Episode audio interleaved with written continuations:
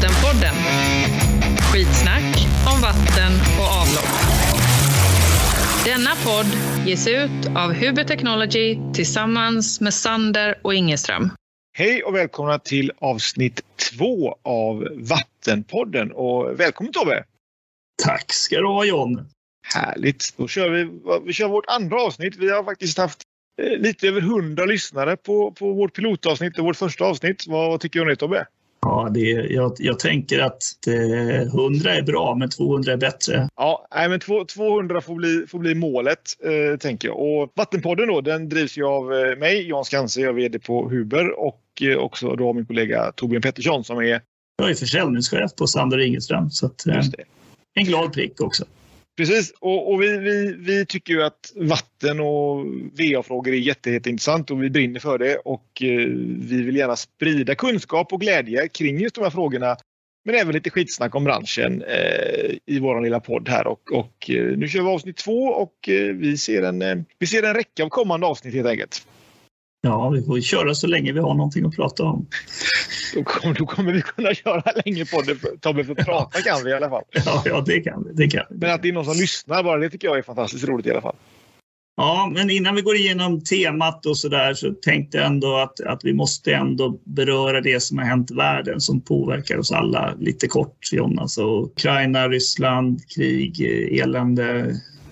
Eh, ja, vad tänker ja, du? Men Nej, men alltså jag tänkte lite sådär ur askan i elden. Liksom. Pandemin har äntligen taggat ner. Vi, vi kan se fram emot att kunna mötas på nya sätt och så startar det här igång istället. Liksom. Det, är, det är egentligen helt osannolikt eh, hur mycket skit det kan komma på, på, på kort tid. Eh, sen kan man bli imponerad över hur, hur anpassningsbara vi är i det. Men, men, men de flyktingströmmarna som, som... Alltså det som händer är fruktansvärt och att människor flyr därifrån är helt naturligt. Men, och de flyktingströmmar som kommer, det kommer påverka oss eh, mycket, mycket mer än vi tror, tror jag.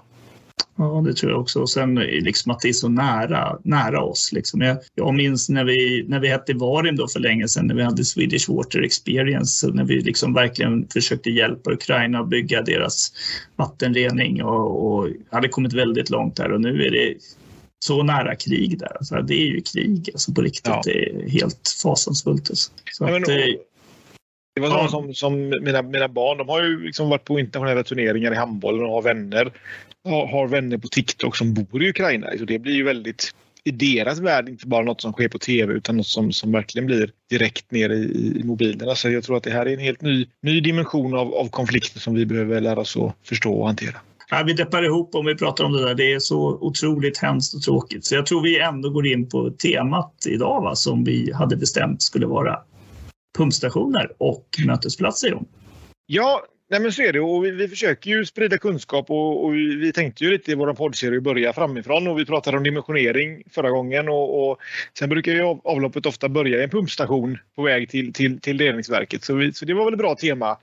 Eh, och sen då givet att, att pandemin har tagit slut så ska vi diskutera både mm, mötesplatser i närtid och mötesplatser i framtid. Eh, så, ja, det blir spännande. Det blir spännande helt enkelt. Men innan vi kör igång Tobbe, du, du har ju varit på lite, lite vacation. Var, hur var det ute i världen och kunde du reflektera något om, om eh, ut, utrikiska avloppssystem? Ja, jag kunde ju det. Till att börja med kan man väl säga att sangrian smakar fantastiskt gott på Gran Canaria. Ja, ja. Eh, och sen är ju golf där nere, det är helt otroligt. Alltså, jag spelade mycket golf. Och där gjorde jag en reflektion faktiskt för att på vattenhindrarna på den här Europatourbanan som vi spelar som heter Meloneras där använder man faktiskt eh, husområdenas avloppsvatten för att lägga i vattenhindren. Det var förvisso då avskilt ifrån fekalier, men, men det var ändå avloppsvatten och min näsa tar inte fel på avloppsvatten.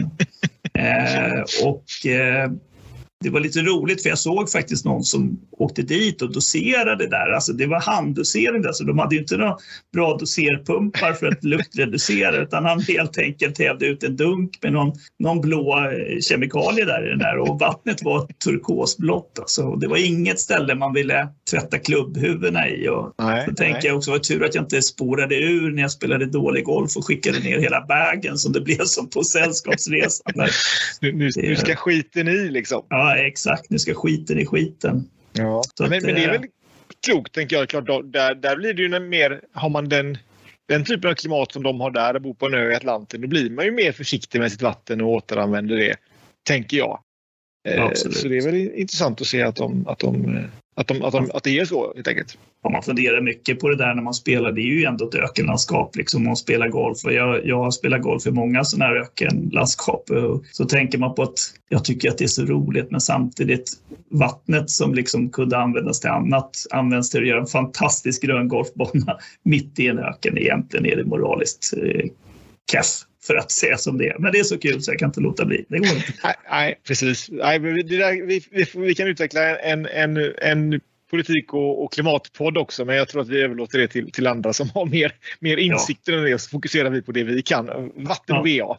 Vatten och VA. Men du ja. var ju också ute och drog en liten repa, har jag hört talas om. Liksom. Så ja, men, du var iväg så var det. Vi, vi tog en, en liten tur till, till, till Alperna och, och precis som du säger att, att eh, golf på de här breddgraderna du är, är en annan sport än, än hemma i Sverige där det kan regna och blåsa och vara taskigt väder så är det samma sak med skidåkning i Alperna. Det är också verkligen en helt annan sport. Eh, fantastiskt. Eh, fantastiskt. Vi åkte faktiskt buss det här året. Eh, lite klimatsmart så det var lite skönt för miljösamvetet. Mina barn då jämför ju mig med tillbaka till Sällskapsresan med Göte i Sällskapsresan, pappan i den här familjen som, som de har med sig då. Och, eh, vi noterade ytterligare ytterligare, tenden, ytterligare likheter när vi diskuterar det här. För att Göte jobbar ju mycket riktigt med, med VVS-problem och det gör jag med. Så då följer likheterna på sig ännu mycket mer. Eh, och sen är det så att Gullan och Rudi då i den här när de sitter och har en liten romantisk lunch medan Göte har brutit benet efter att kalla tysken för Liftwaffe. Så pratar de ju om just då om VVS-systemet på den här Katzenhytten då, den här fina hyttan som de är och, och äter på. Och vi åt ju lunch på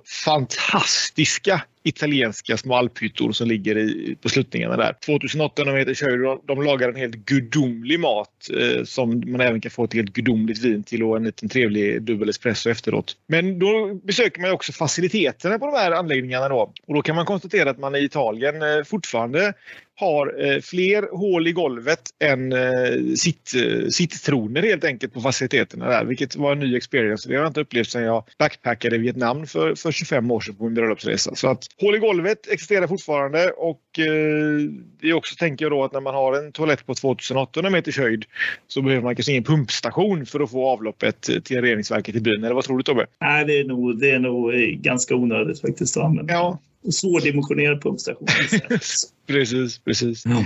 Nej, men, men återigen, även där såg man faktiskt klimat, klimaten hade vattenbrist. De använde ju då smältvatten för att spola toaletterna och eh, det var mindre vatten än vanliga fall. Så att det var faktiskt, eh, stod att man inte skulle, skulle använda alla toaletter för att, för att minska på vattenförbrukningen. Och, och det var det minsta snön på 30 år som man haft. Eh, så de var klart oroade. Nej, det vi gör det är viktigt på alla håll och kanter och, och, och både infrastruktur i, i, i konflikt är viktigt under konflikter att, att det fortsätter att fungera och, och är viktigt för att, för att liksom hela samhället ska, ska ska hålla på. Och det är därför vi tycker det är så kul Tobbe, eller hur? Det, det, är ju, det ligger så nära alla och är så viktigt. Men det, är ju, det, är ju så, det påverkar ju allas vardag. Och som vi pratade om i vår första pilot, där, att det här är ju verkligen något som engagerar alla människor och påverkar alla människor.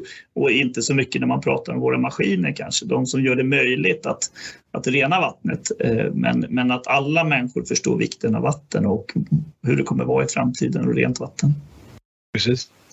Ja, men, men det var lite god inledning där Tobbe. Ska vi då ta och ge oss i kast med ämne nummer ett, eh, pumpstationer? Nu åker vi! Ja, men Tobbe, pumpstationer då. Det, det hör man ju på namnet att eh, i en pumpstation behövs det ju en pump. Eh, det låter ju logiskt. Och, och, jag har ju sett några bilder med, med dränkbara pumpar som, som sitter där nere bland fett och fekalier och, och rens och annat äckel. Och sen har man sett torruppställt som ser väldigt, eh, väldigt bra ut. Men jag tänker att det finns ju anledningar till att det ser ut på olika sätt. Vad, vad, vad, är, vad är din erfarenhet och, och take på, på pumpstationer och, och pumpar i pumpstationer? Ja, det, det där är ett stort ämne. Och Eh, hoppas att jag inte blir för långrandig nu. Jag ska försöka och, och hålla mig så kort som möjligt. Nej, men min, min syn på det, på det första är att arbetsmiljön har ju, har ju en väldigt stor betydelse och det är i de allra flesta fallen så behöver man inte ha dränkbara pumpar utan det går alldeles utmärkt att torrställa dem. Eh, vi pratade ju lite teknik för, någon, eh, för något poddavsnitt sen och det som egentligen begränsar det här med att ha en dränkbar pump det är hur långt man ska suga med pumpen. Därför rent eh, rent teoretiskt då, så kan man inte suga mer än 10,18 meter som är vårt atmosfärstryck då, för då börjar vätskan koka. I praktiken kan man inte suga med sådana sugdjup heller, men, men någonstans runt en 7 meter negativ sughöjd, det kan man ha på en pump och då kan man ju mycket väl då ha pumpen ovanför istället. Men det finns ju även möjlighet att ha liksom eh, en skiljevägg mellan pumpstationerna som inte är helt ovanligt heller, att man sätter pumparna på andra sidan då, så man får lite bättre arbetsmiljö för, för de som ska jobba i de här pumpstationerna. Och det är ju många pumpstationer i Sverige också. Det finns ju inte bara 10 i en kommun utan det är ofta 200. Det, det var väl när du säger det, var, hur, hur, hur många tror vi att det finns i Sverige Tobbe? Hur många pumpstationer kan det finnas? Alltså jag måste tyvärr erkänna att jag inte har en aning. Då. Men, men man vet ju när man åker ut till, till en kund i Mellansverige och pratar med dem och hur många anläggningar har de och, då är det nio vattenverk och så är det sju avloppsreningsverk och så är det 200 avloppspumpstationer och så är det 50 tryckstegningar. Liksom. Så det finns ja. ju mycket. Men det där får vi nästan ta reda på. Det måste ju finnas någon statistik hur, hur mycket ja, men... det finns. Vi tar med oss det. Vi, vi återkommer helt enkelt i, i lämplig podd om, eh, om några avsnitt om, om hur många pumpstationer det finns i Sverige. Ja, ja vi, vi, tar reda på det. Vi, vi försöker hitta fakta. Men tillbaka till pumpstationer. Så, så, så, finns det ju liksom då väldigt många olika typer av pumpstationer i, i Sverige i alla fall. Då, och det, de vanligaste och de mest förekommande är de små pumpstationerna som är för enskilda hushåll. Då. Och I Sverige kallar vi det här för LTA, då, ett lättryckavlopp. Då. då har varje fastighet sin egen pumpstation och ofta så svarar då kommunen för driften av innehållet i pumpstationen. Då, men att fastighetsägaren äger självfallsledningen då till pumpstationen och även, även själva pumpsumpen. Då. Det kan se lite olika ut. Och sen eh, kopplar man ihop det här i tryckledningsnät helt enkelt och så använder man den här pumpstationen när man förbrukar den. Eh, och det är en väldigt, väldigt vanlig, vanlig sort av pumpstation. Det finns otroligt många sådana. Eh, och där finns det egentligen två olika tekniker att, att eh, köra. Det ena är att jobba med centrifugala pumpar och det andra är att jobba med eh, förträngningspumpar. Och när jag började jobba i den här branschen så då minns jag mycket väl att, att jag var en av de som bröt den här lilla monopolsituationen som fanns då, för det, det var ett stort område i Stockholm på 220 pumpstationer som skulle byggas. Så jag sålde på den tiden då centrifugala pumpar till den här applikationen. Då lyckades jag vinna det här projektet. Jag var ju inte så uppskattad då av konkurrenter naturligtvis, men, men eh, jag bröt också en, en trend där och är lite stolt över det. Och drastiskt sjönk faktiskt marknadspriset på de här pumpstationerna ganska ordentligt. Så det är en typ av pumpstationer som är lite vanligt. Då. Ja, ja. Men det är inte jag inne så mycket på nu, utan, utan nu är jag ju mer och jobbar med större pumpstationer. Då får man inte förglömma då liksom att det är ganska mycket tryckstegring också för oss med rent vatten. Vi pratar mycket avlopp här på podden, men, men jag jobbar väldigt mycket med rent vatten. Också. Och i en större pumpstation då så är det ju så att det absolut vanligaste som, som man använder, och det, det är alldeles rätt, det är att använda centrifugala dränkta torruppställda pumpar. Eh, men i vissa fall då så, så, är det faktiskt inte ekonomiskt eh, den bästa lösningen och det är pumpstationer då där man har långa överföringsledningar, det vill säga höga tryckfall. När, när du säger det, tänker du ledningen efter som du pumpar upp i då eller ledningen som kommer in? Jag antar att det är den efter då som du ska pumpa upp i som är intressant hur lång den är. Liksom, hur långt är det till nästa steg? Eller hur? Det är riktigt. Alltså, ja. Det kan ju också vara så att du, du, pumpar in på en redan trycksatt anläggning. Då, så du kan ju också gå in och pumpa in på en redan trycksatt system och då är trycket högre. Så har du ett mindre flöde då, alltså inte ett jätteflöde och, och ett, ett relativt högt tryck då. Ett exempel skulle kunna vara någonstans 40 kubik i timmen i flöde och ett tryck på 45-50 meter. När man börjar räkna på det där och titta på de här dränkta pumparna som ett alternativ så kommer alltid en, en eh, deplacementpump ha en lägre effektförbrukning och en lägre installerad effekt därför att de är, påverkas inte lika mycket verkningsgradsmässigt av att, att Eh, ett högre tryck och ett lågt flöde. Medan en centrifugalpump är gjord primärt för större flöden skulle man kunna säga. Så där är vi och, och det som också är fint när man jobbar med sådana att de här pumparna de är ju helt är självevakuerande, alltså de här förträngningspumparna. Så att om man sätter dem ovanför backen då och inte behöver ha ner dem i sumpen så, så kan de här pumparna suga själv, det vill säga du slipper ha en backventil på sugsidan. Du sätter okay. backventilen på trycksidan istället. Då. Mm. Eh, så det är inget problem att prima den här pumpen utan vid uppstart så primar man eh, sugledningen och sen håller pumpen tätt helt enkelt. En annan liten rolig grej med det där som jag har gjort vid några tillfällen det är att man kan dra ett litet avstick då och bypassa backventilen till sugsidan och får man då en igensättning av den här pumpen så skulle man då kunna vända rotationsriktningen. För det som är unikt för den pumptypen är att man kan vända flödesriktningen också. Så då behöver man inte riva isär pumpen när man får en igensättning utan då backkör man pumpen och öppnar två handventiler och så kan man köra igen och se om det här går igenom. Då. Är det för stort så behöver man till slut rensa den naturligtvis. Men, men du säger att man handöppnar två backventiler, men det skulle du kunna bygga en styrning på egentligen. Att du när, du, när du får en igensättning så öppnar du två ventiler och så backkör du en stund och sen så stänger du och kör framåt igen och ser om det, om det funkar helt enkelt. utan att du behöver åka dit. För jag tänker att så snackar man med, med, med folk som jobbar med med avlopp och då har de ofta antingen har man en pumpstationsdel och en, en reningsverksdel eller så är det ju samma killar och tjejer som jobbar på båda delarna och, och varierar vecka för vecka. Då. Och det, är, det är klart att den, den, den, den veckan du har jouren på pump pumpdelen så, så är det ju ofta på söndag eftermiddag lagom till, till, eh, till det är dags att käka middag som, som någon, någonting sätter igen någonstans. Det är ju lite Murphys klart Julafton, att, att, nyårsafton, absolut. Alltså. Jag menar det, såklart kan man bygga system som, är, som har den möjligheten måste det väl vara av godo, tänker jag. Absolut, och det, det, kan ju lika gärna vara automatiserat det här. Och, eh, så då kan man ju helt enkelt se då ändrar om man mäter flödet då på, på pumpstationen Eh, eller om man mäter effekten som pumpen förbrukar. Och är det så att pumpen är igensatt och att den inte pumpar någon vätska, då förbrukar den inte heller någon effekt. Så du kan faktiskt ha en dubbel säkerhetsfunktion där, att dels kolla flödet men även effektförbrukningen. Och då med två stycken automatventiler då, öppna och vända rotationsriktningen om du har en dubbel kontaktor eller frekvensomriktare. Då. Och idag så kan man säga att man kör nästan alla de här pumparna med frekvensomriktare, för man vill nämligen anpassa hastigheten i tryck, tryckledningen. Då. Det är en av de dimensionerade data man har, det är att försöka hålla 0,7 meter per sekund för då vet man att ledningen rensar sig själv. Då.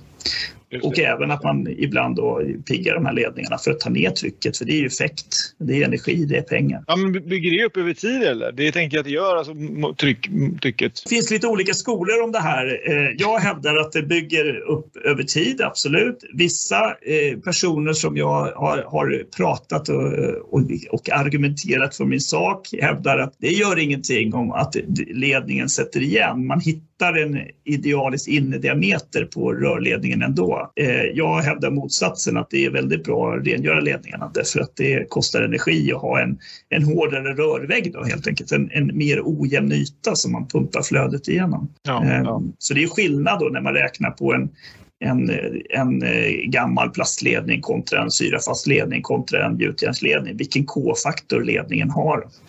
Och det påverkar tryckfallet en del. Så det är väl, eh, förutom det då, så kan man väl också nämna att vi jobbar eh, med eh, hygienväggar. Då. Så vi har en liten spännande produkt då, som jag gärna kopplar ihop med pumpstationen för den sitter i princip i alla Sveriges pumpstationer. Och det är en liten genomströmningsvärmare så att man kan tvätta händerna och göra sig ren efter man har gjort eh, sin service eller rensat en backventil. Eh, och det är en liten klage där som, som ger värme direkt. Då. Fördelen är för, för kunderna då, då värmer man ju bara vattnet när man förbrukar det. Ja, ja, precis. Du har ingen, ingen volym stående som, som du håller varm i en liten varmvattenberedare helt enkelt. Nej, som i din villa hemma till exempel. Då har du säkert en varmvattenberedare och då har du alltid värme på oavsett om du förbrukar vatten. Då. Lite roligt är att den här produkten också används eh, nu i eh, kommersiella fastigheter. Eh, ja. Och det här är väldigt vanligt i Europa, i Tyskland och i Frankrike och sådär. Men i Sverige har vi vår centralvärme, liksom det är så vi jobbar, för det, så har vi alltid gjort. Då. Men vi gjorde ett projekt på Sander Ingelström tillsammans med Svenska Hem då, med studentbostäder i, eller vi håller på ska säga, vi har inte levererat färdigt än, men vi har gjort den första delen eh, med Svenska Hem då, där man har satt eh, en sån här genomströmningsväggvärmare vid duschen och en vid handfatet. Då. Eh, och eh, vi kunde räkna hem en, en ganska stor energibesparing i det här projektet och också en lägre investeringskostnad. Därför du har bara ett rör. Då. Du behöver inte ha ett dubbelrör som du har i, i de andra systemen. Det finns ingen återföring här utan det går ju direkt till avloppet. Sen. Ja, och jag tänker också att du får en minskad risk i, i, i byggnaden ju färre vattenrör du har som kan springa läck av olika anledningar. Så det, det är väl ja. ingen dum, inget dumt sätt att se det på heller. Liksom. Nej, men det är ju som vår bransch är, den är lite traditionell. Men det där är en fin produkt som, som, som vi, vi tror mycket på, som vi, som vi satsar på. Så har ni frågor om det, det är bara att höra av er. Nu gäller det bara att du får med föreskrivande led och få in den här produkten eh, i rätt, i rätt eh, läge helt enkelt så att förfrågningarna är lite linade för det. Ja, det har vi ju jobbat med en del här så det börjar bli vanligare och vanligare naturligtvis. Ja, ja men det är spännande. spännande Tom. Det är om alltså, våra pumpstationer. Ja, men pumpstationer och det, det, kommer ju mer och mer de här prefabricerade också nu med lite rött hus på toppen av, av någonting som du får färdigt i metall. Så att någonstans har väl hela hanteringen av pumpstationer har ju blivit väldigt mycket effektivare naturligtvis de senaste åren. Så det, det är kul att se att det finns en, det sker en utveckling om än långsamt även i vår bransch. Jag har en rolig historia där John om ett misstag en gång. Faktiskt. Jag sålde en sån här glasfiberarmerad pumpstation då på det är ganska många år sedan där, men då transporterade man det här i två kollin. Då. Så det ena var ju pumpstationen då med pumpar och allting, eh, liksom rör och så var ju liksom nästan färdigmonterat. Man fick lyfta ner pumparna. Men sen hade man ju huset då med teknikdelen då så att säga. Och eh, jag stod där med kranbil ute och, och vi lyfte ner pumpstationen och satte den och sen skulle vi lyfta huset och det, det gick ju jättebra tyckte jag. Och sen så ringde beställaren sen du, dörren är åt fel håll så kranbilen fick åka ut en gång till och vända på det. Gör de ju rätt där, där, där rök den marginalen helt enkelt. Det kan man nog säga att det var rött ja. det där, men, men ja, vi hade roligt. Och huset var rött också, så det blir dessutom ja. ännu finare. Liksom. Jajamensan. Ja. Ja, men spännande. Alltså, pump, pumpade pumpstationer är, är ju viktigt eh, och, och spännande. Så det är ja, kul att höra. Kul att, höra. Kul att få, få, få lite kunskap om det helt enkelt. Ja, men det var väl lite om Sander Ingeströms eh, liksom verksamhet inom pumpstationerna. Men jag vet ju också att Huber, ni har ju också erbjudanden inom pumpstationer och gör lite roliga saker. Berätta gärna. Ja, nej, men det är klart att vi gör. Eh, och, och, vi var ju inne på det, vad du kan hitta i en pumpstation och vad du kan rensa i, i en pump och hur du, hur du anpassar den för att inte köra fast. Och vi tänker ju att det bästa är ju att sila innan man kör fast. Eh, och då har vi utvecklat eh, vad vi kallar en eh, ROK4. Då. Vi har ju en, en förkärlek för att ha ganska ingenjörsmässiga namn på våra produkter. Då. Eh, så RO står ju för rotamat och K står ju för kanal. Och det här är ju då den fjärde uppfinningen som man gjorde för eh, de här kanalhanteringen. Då. Så att en ROK4, men på, på vanlig svenska så är det en pumpstationssil egentligen då. Vilket är en, sil, en, eh, en silkorg där man leder in inkommande vatten in på insidan silkorgen och låter det strömma igenom den. Eh, och i den här silkorgen sitter det en, eh, en skruvtransportör med, med en eh, borste på som helt enkelt skruvar renset uppåt ur silkorgen. Då. Och det gör ju då att då stannar ju trasor och tops och så liknande i silkorgen och transporteras upp, avvattnas ju då naturligtvis med, med gravitationens kraft och sen så matar man ut renset i pumpstationen i en, i en soptunna som helt enkelt renhållningen kommer och, kommer och hämtar på vägen. Då. Det där låter ju rätt spännande. Jag tänker på den här, vårt pilotavsnitt där när vi pratade lite om fängelsen och eh, ålderdomshem och de utmaningar som det kan vara för pumpstationer. Alltså, har ni, kör ni det här någonstans? Har ni testat? Ja, men, men vi, vi har ju flera installationer igång. Eh, men precis, jag tänkte på det när vi pratade om, om, om just det på, i piloten. Där. Men vi har också i, i Ullared faktiskt med, med väldigt stor framgång där man då hade en överföringsledning från, från centrala delen till reningsverket eh, som man hade ovanligt mycket problem att den satt igen. Och, och, och det kan ju tyckas märkligt men det är ju ett varuhus där, men det, det, kommer en hel del kläder och annat och det kan man faktiskt se på vår Youtube-kanal. Det var ett litet reportage från, från just Ullared om, om den här pump, pumpstationssilen då eh, och vilken bra effekt det blev när vi installerade den och hur, hur, hur lättservad den är och hur bra den är. Så det, det, kan man titta på om man har, har, har en tråkig eftermiddag eller, eller är intresserad av frågan. Då. Men, men, men det är just det, att få in det där du har den här typen av problem är, är bra. Alltså det är spännande när du, när du beskriver det, för det där borde ju kunna innebära en, en viss effektbesparing på de här pumparna därför att då, om man då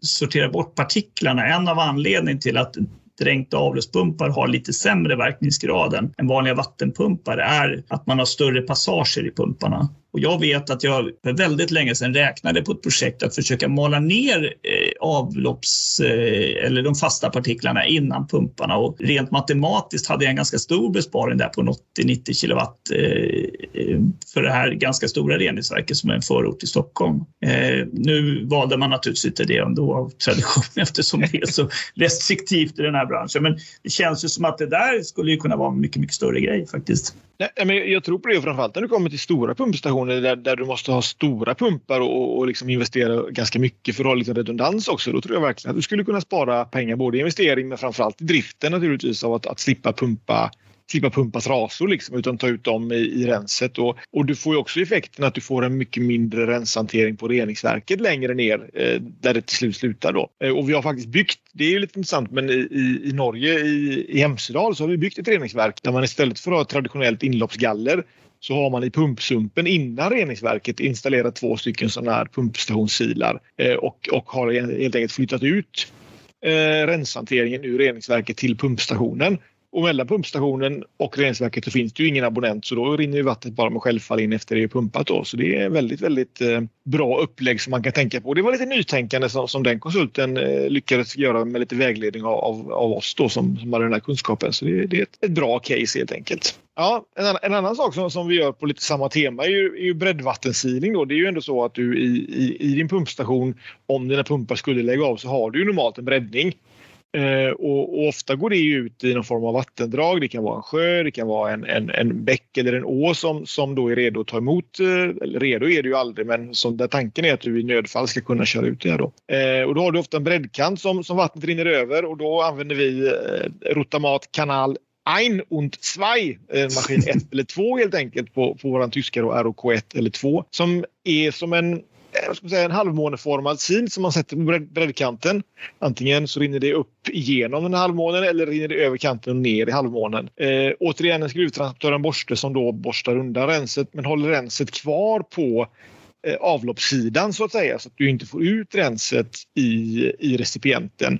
Eh, och det gör ju att det blir mycket, mycket trevligare och du får ju naturligtvis en mycket, mycket mindre belastning i recipienten. Då. Så det, det har vi gjort flera, flera lösningar på också. Bland annat har vi det under Oslo så har de Midgårdsormen, deras stora avloppsledning där som då när den behöver bredda breddar ut Oslofjorden och där har vi då den här eh, RK 1 eller 2 hanteringen då som finns där. Så det är också ett, ett en spännande produkt eh, att, att ta med sig när man designar sina pumpstationer. Då. då slipper man se toapapper bredvid pumpstationen när man går i diket med andra ord. Ja, och toapapper är kanske det minst äckliga som man kan komma ut den vägen tänker jag. Nu för tiden kommer det både munskydd och, och annat. Eh, munskydd och plasthandskar som, som, som vi hittar där. Eh, så att, nej, det, det, det är en väldigt, väldigt bra grej och i UK är det faktiskt lag på att när du designar en pumpstation så måste måste du ha en, nödlopp, en nödöverloppssilning för att, att kunna göra det. Och det beror ju på att mycket av, av det som man breddar där hamnar ju i de här ganska fina kanalerna som rinner genom de ganska gamla städerna. Då blir det ju naturligtvis ännu äckligare än om det rinner ut i en stor sjö som det kanske gör i här och ändå späds ut lite grann. Men äckelfaktorn är ju där och det är klart att det är ju många gånger som det, man, det, upp, det skapas bad badförbud tack vare att, att eh, vi har fekaliebakterier i våra sjöar. Då. Ja, men det är rätt också kanske. Så det, är, det, är, ja, det bästa är ju inte bredda alls såklart, men ibland måste man ju som du säger. Ja, men så är det. Å andra sidan skulle vi bygga ett system som inte, där vi inte kan bredda då, då skulle vi behöva bygga med sån brutal redundans så att det skulle vara helt orimligt också. Liksom. Så att bredda, bredda rätt och bredda och rena det du breddar så, så, så kan vi nog hantera det på en bra, på en bra nivå tycker jag. Ja, och så jobba kanske lite uppströms också då, så att man inte har samma inläckage då, som också är ett problem då naturligtvis. Ja, ja precis, precis. Men eh, sen jag vet också att, att ni jobbar med några luckor. Kan du inte berätta lite om det där med säkra luckor? Ja, eller vi, kallar det säkra åtkomster då, eller SAS-produkter, Safe Access Solutions. Då. Nu var det engelska istället för tyska. Eh, de försöker internationalisera oss lite grann i alla fall. Då. Men, men det handlar ju egentligen om att, att eh, man ser ju ganska många ned, nedstigningar till, till kanalsystemen eller till avloppssystemen är ofta en, en, enklare lucka och så kanske det i bästa fall sitter ett hänglås på den. Eh, men vill du, vill du ner och springa i de här systemen, vilket många av Urban Explorer till exempel tycker om eller man bara är nyfiken eller man för den sakens skull skulle vilja sabotera avloppssystemet eller vattensystemet så, så är det ofta väldigt enkelt. Det är en, en vinkelkap och ett hänglås och sen är du faktiskt nere i det hela. Eh, och där har vi olika lösningar. Vi har enkla luckor som går att låsa med hänglås men vi har också lite mer avancerade luckor som som, som, eh, som du har ganska avancerade låsfunktioner på till de riktigt, riktigt avancerade luckorna med, med uppsamlingskärl under och de är larmade och så vidare. Så där har vi en, en stor räcka av det. Vi har också alltså arbetsmiljön som du var inne på i pumpstationen är viktig. Eh, vi jobbar med gasdämpare om du vill ha det som gör att luckan stannar upp ett läge och att du inte heller behöver, behöver bryta ryggen när du ska, ska öppna luckan utan att den är ganska enkel lucka. Vi hade en, just detta att den stannar upp är också viktigt. Vi hade en, min, min förra arbetsplats hade vi en ganska elak arbetsplatsolycka där ett, ett tungt gjutjärnslock föll, föll ner över handen på en av, av våra sugbilskillar. Eh, och, och, då var den, den upp, uppställningen som fanns där var, var rostig och fungerade inte när man då hade gjort ett billigt, billigt materialval och, och konsekvensen blev att den här killen bröt handen naturligtvis. Så det var ju riktigt, riktigt osäkert och otrevligt. Så att eh, arbetsmiljön på de här, sakerna, på de här stationerna är, är, är viktig som tusan tycker jag och det ska man, det ska man absolut inte, inte snåla med. Men Tobbe, du har ju varit och klättrat på en del pumpstationer. Så har, du, har, du, eh, har du sett den här budgetlösningen med, med böjda armeringsjärn som är ingjutna i, eh, i, i brunnsidan? Absolut, jag har varit och klättrat och så hänger det lite saker över dem där och så tänker man ska jag ha handskar? Nej, jag struntar i det. Nej, äh, det är inte så mysigt alltså att gå ner i en pumpstation. Och en sak är väl att, att jag inte som gammal västgöte jag är så säger man så här, min farmor sa alltid till mig så här, är du så här vämmelmagad? Det tycker jag är roligt uttryck. Alltså. det, är det är jag inte. det är jag inte.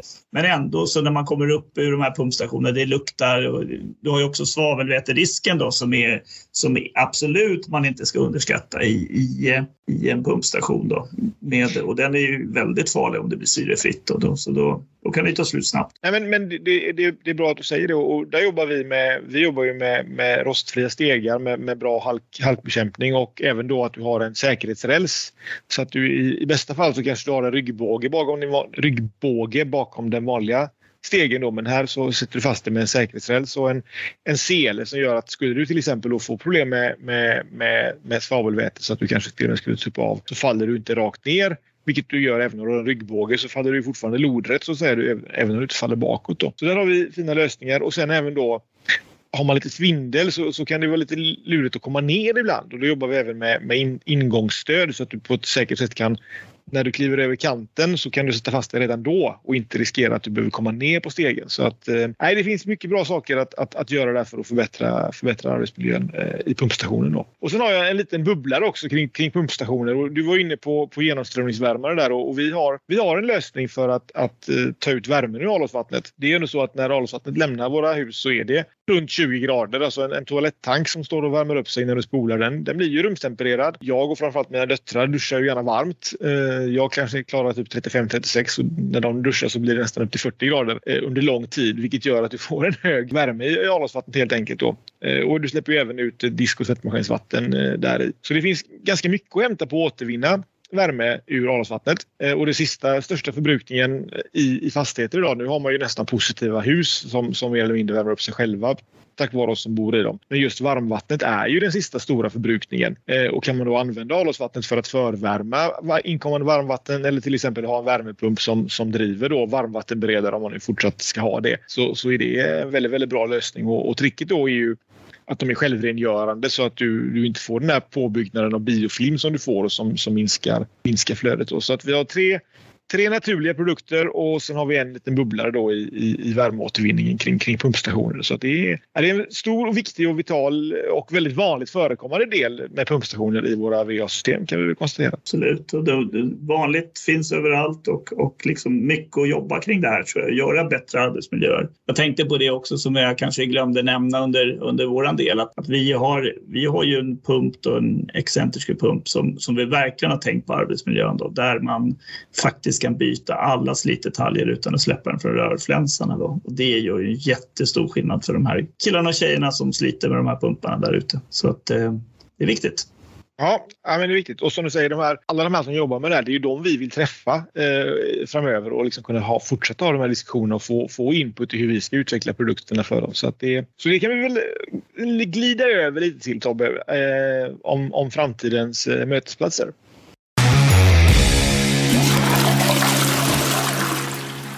Ja, men vi snackar ju här om, om, om alla människor som finns, finns i branschen och, och, att man nu får lov att mötas. Och, och nu börjar det ju ta fart här igen och, och någonting som var på gång innan pandemin 2020 eh, ska ju nu äntligen hända eh, i form av VA-mässan på Elmia. Där, där vi båda ställer ut. Vad, alltså, vad tänker du om det Tobbe? Ja, men jag, på något sätt så känner jag att även om liksom pandemin har gett nya möjligheter till mer eh, interaktiva möten digitalt och så, så saknar jag ändå liksom att få hänga med eh, Ola Persson i Kalmar Vatten eh, över monten och prata lite grann och hur han har det. Alltså de här mötena som man har liksom, med, med människor som till mycket är ens vänner. Då. Så jag ser jättemycket fram emot det där. Och vi hade ju redan innan då bokat en ganska stor monter och, och jag tänkte att, att jag behåller den där montern. Får sponsra Elmia lite så att de har råd att göra några så här, vad heter de här, DreamHack i framtiden just också. Det, just det. ungdom, aktiv ungdomssponsring. Ja. Eh, så vi, våran monter där, den blir B0668 då. Där kommer vi ha in våran, eh, våran stora buss som vi åker omkring med, våra roadshow. Eh, och vi kommer ställa ut ett antal nya produkter för VR-branschen som är av intresse. En helt ny produkt som är helt ny faktiskt. Eh, så jag teasar lite om den får ni inte missa. Eh, men också ha jäkligt trevligt och träffas och hoppas att några kunder vill hänga med på någon middag på kvällen och att vi kan få äta en god bit ihop. Och sen ska ju vi göra något kul tillsammans John också.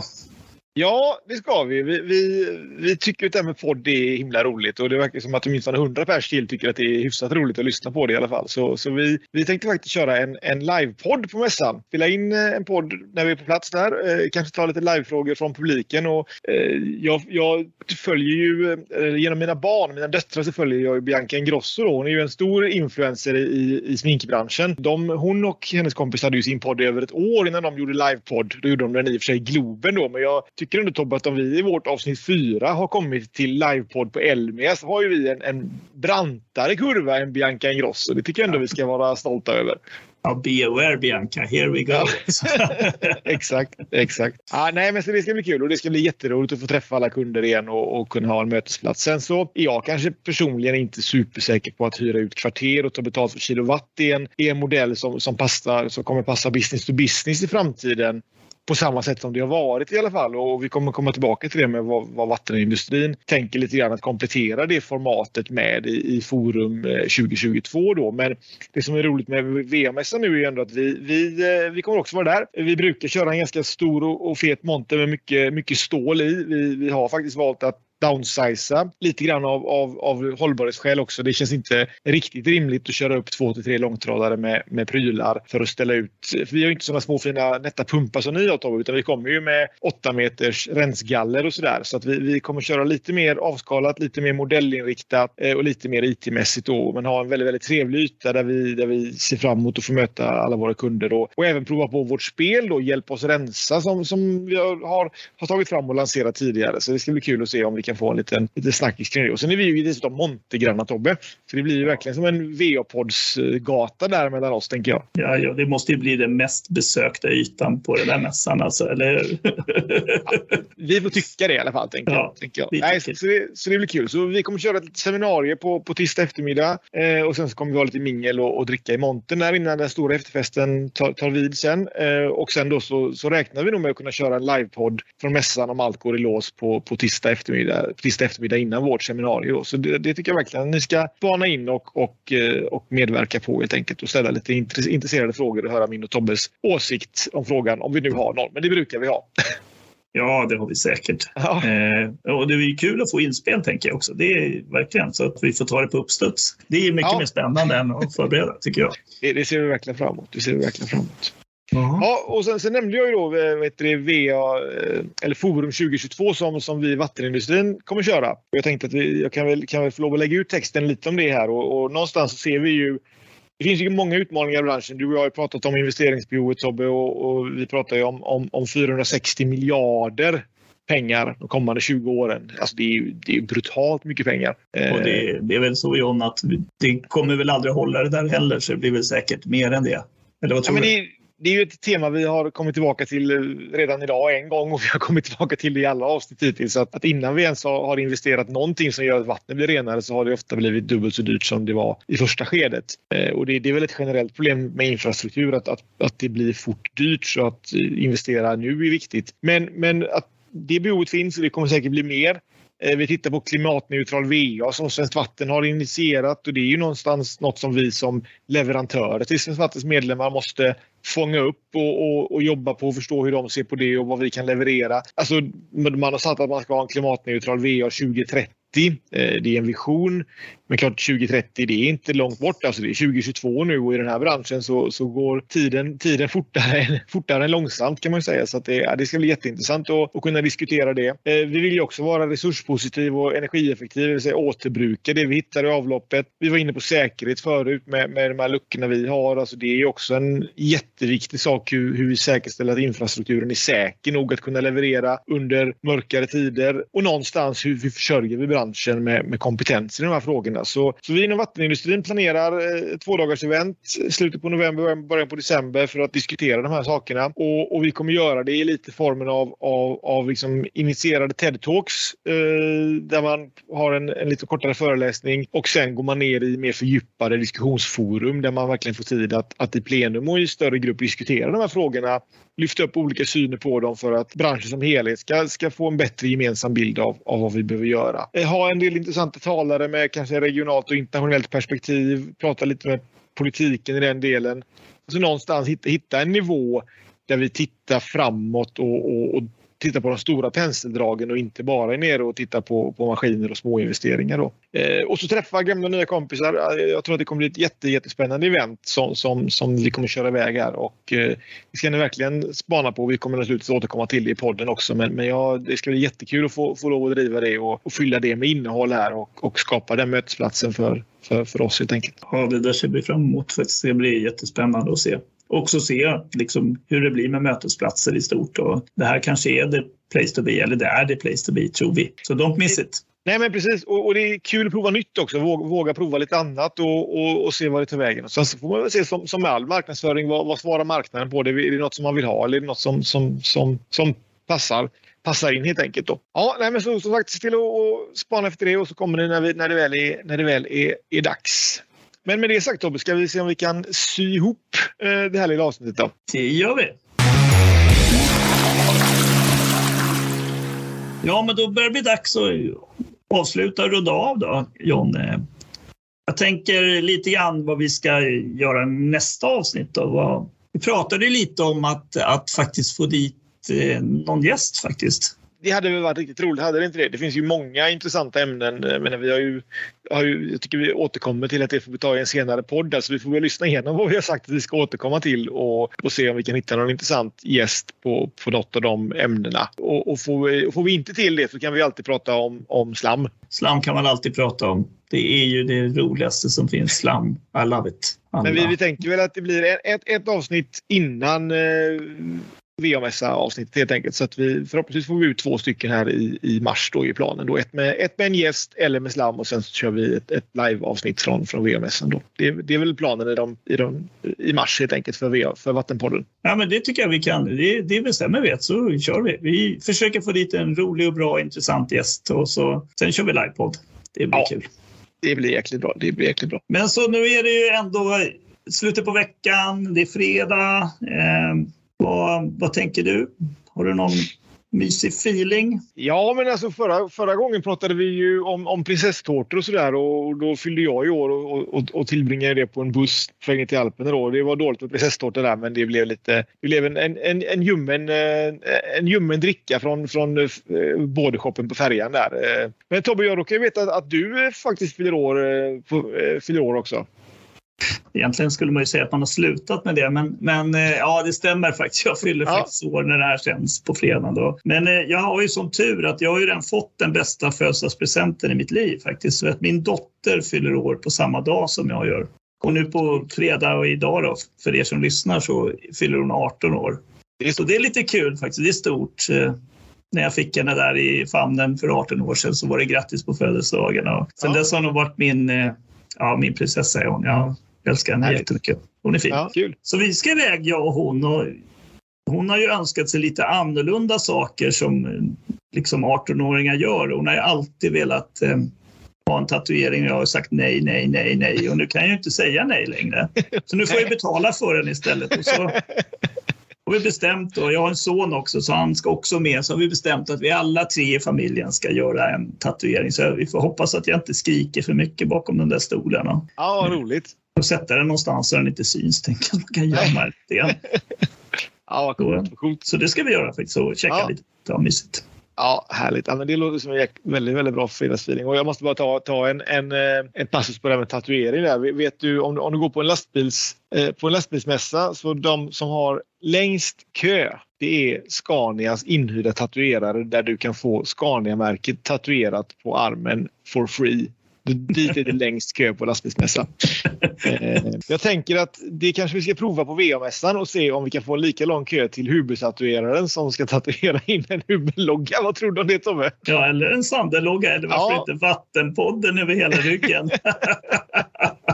ja, nej, vi kanske ska ta det lite lugnt med våra ambitioner där, men det, det är väl det ultimata tecknet på att ditt varumärke är, är gott nog när dina kunder vill tatuera det på sig. Vi, och vi har väl en stund dit, även om vi jobbar på det naturligtvis. Så är det Vi får kämpa. Vi får kämpa. Ja. ja men Tobbe, vad gött. Du får ha en fantastisk fredag med familjen då och, och hoppas ni väljer ett fint, eh, ett fint gemensamt motiv. Jag tycker det var en jäkla kul grej att göra en gemensam familjetatuering. Eh, så hoppas det blir riktigt bra och eh, njut av helgen och ledigheten så syns vi på, på Elmia framöver. Ja, detsamma John. Ha en jättetrevlig helg och njut av ledigheten och hoppas att det blir bra väder. Så syns vi. Ha det gott. Hej då. Vattenpodden. Skitsnack om vatten och avlopp. Denna podd ges ut av Huber Technology tillsammans med Sander och Ingeström.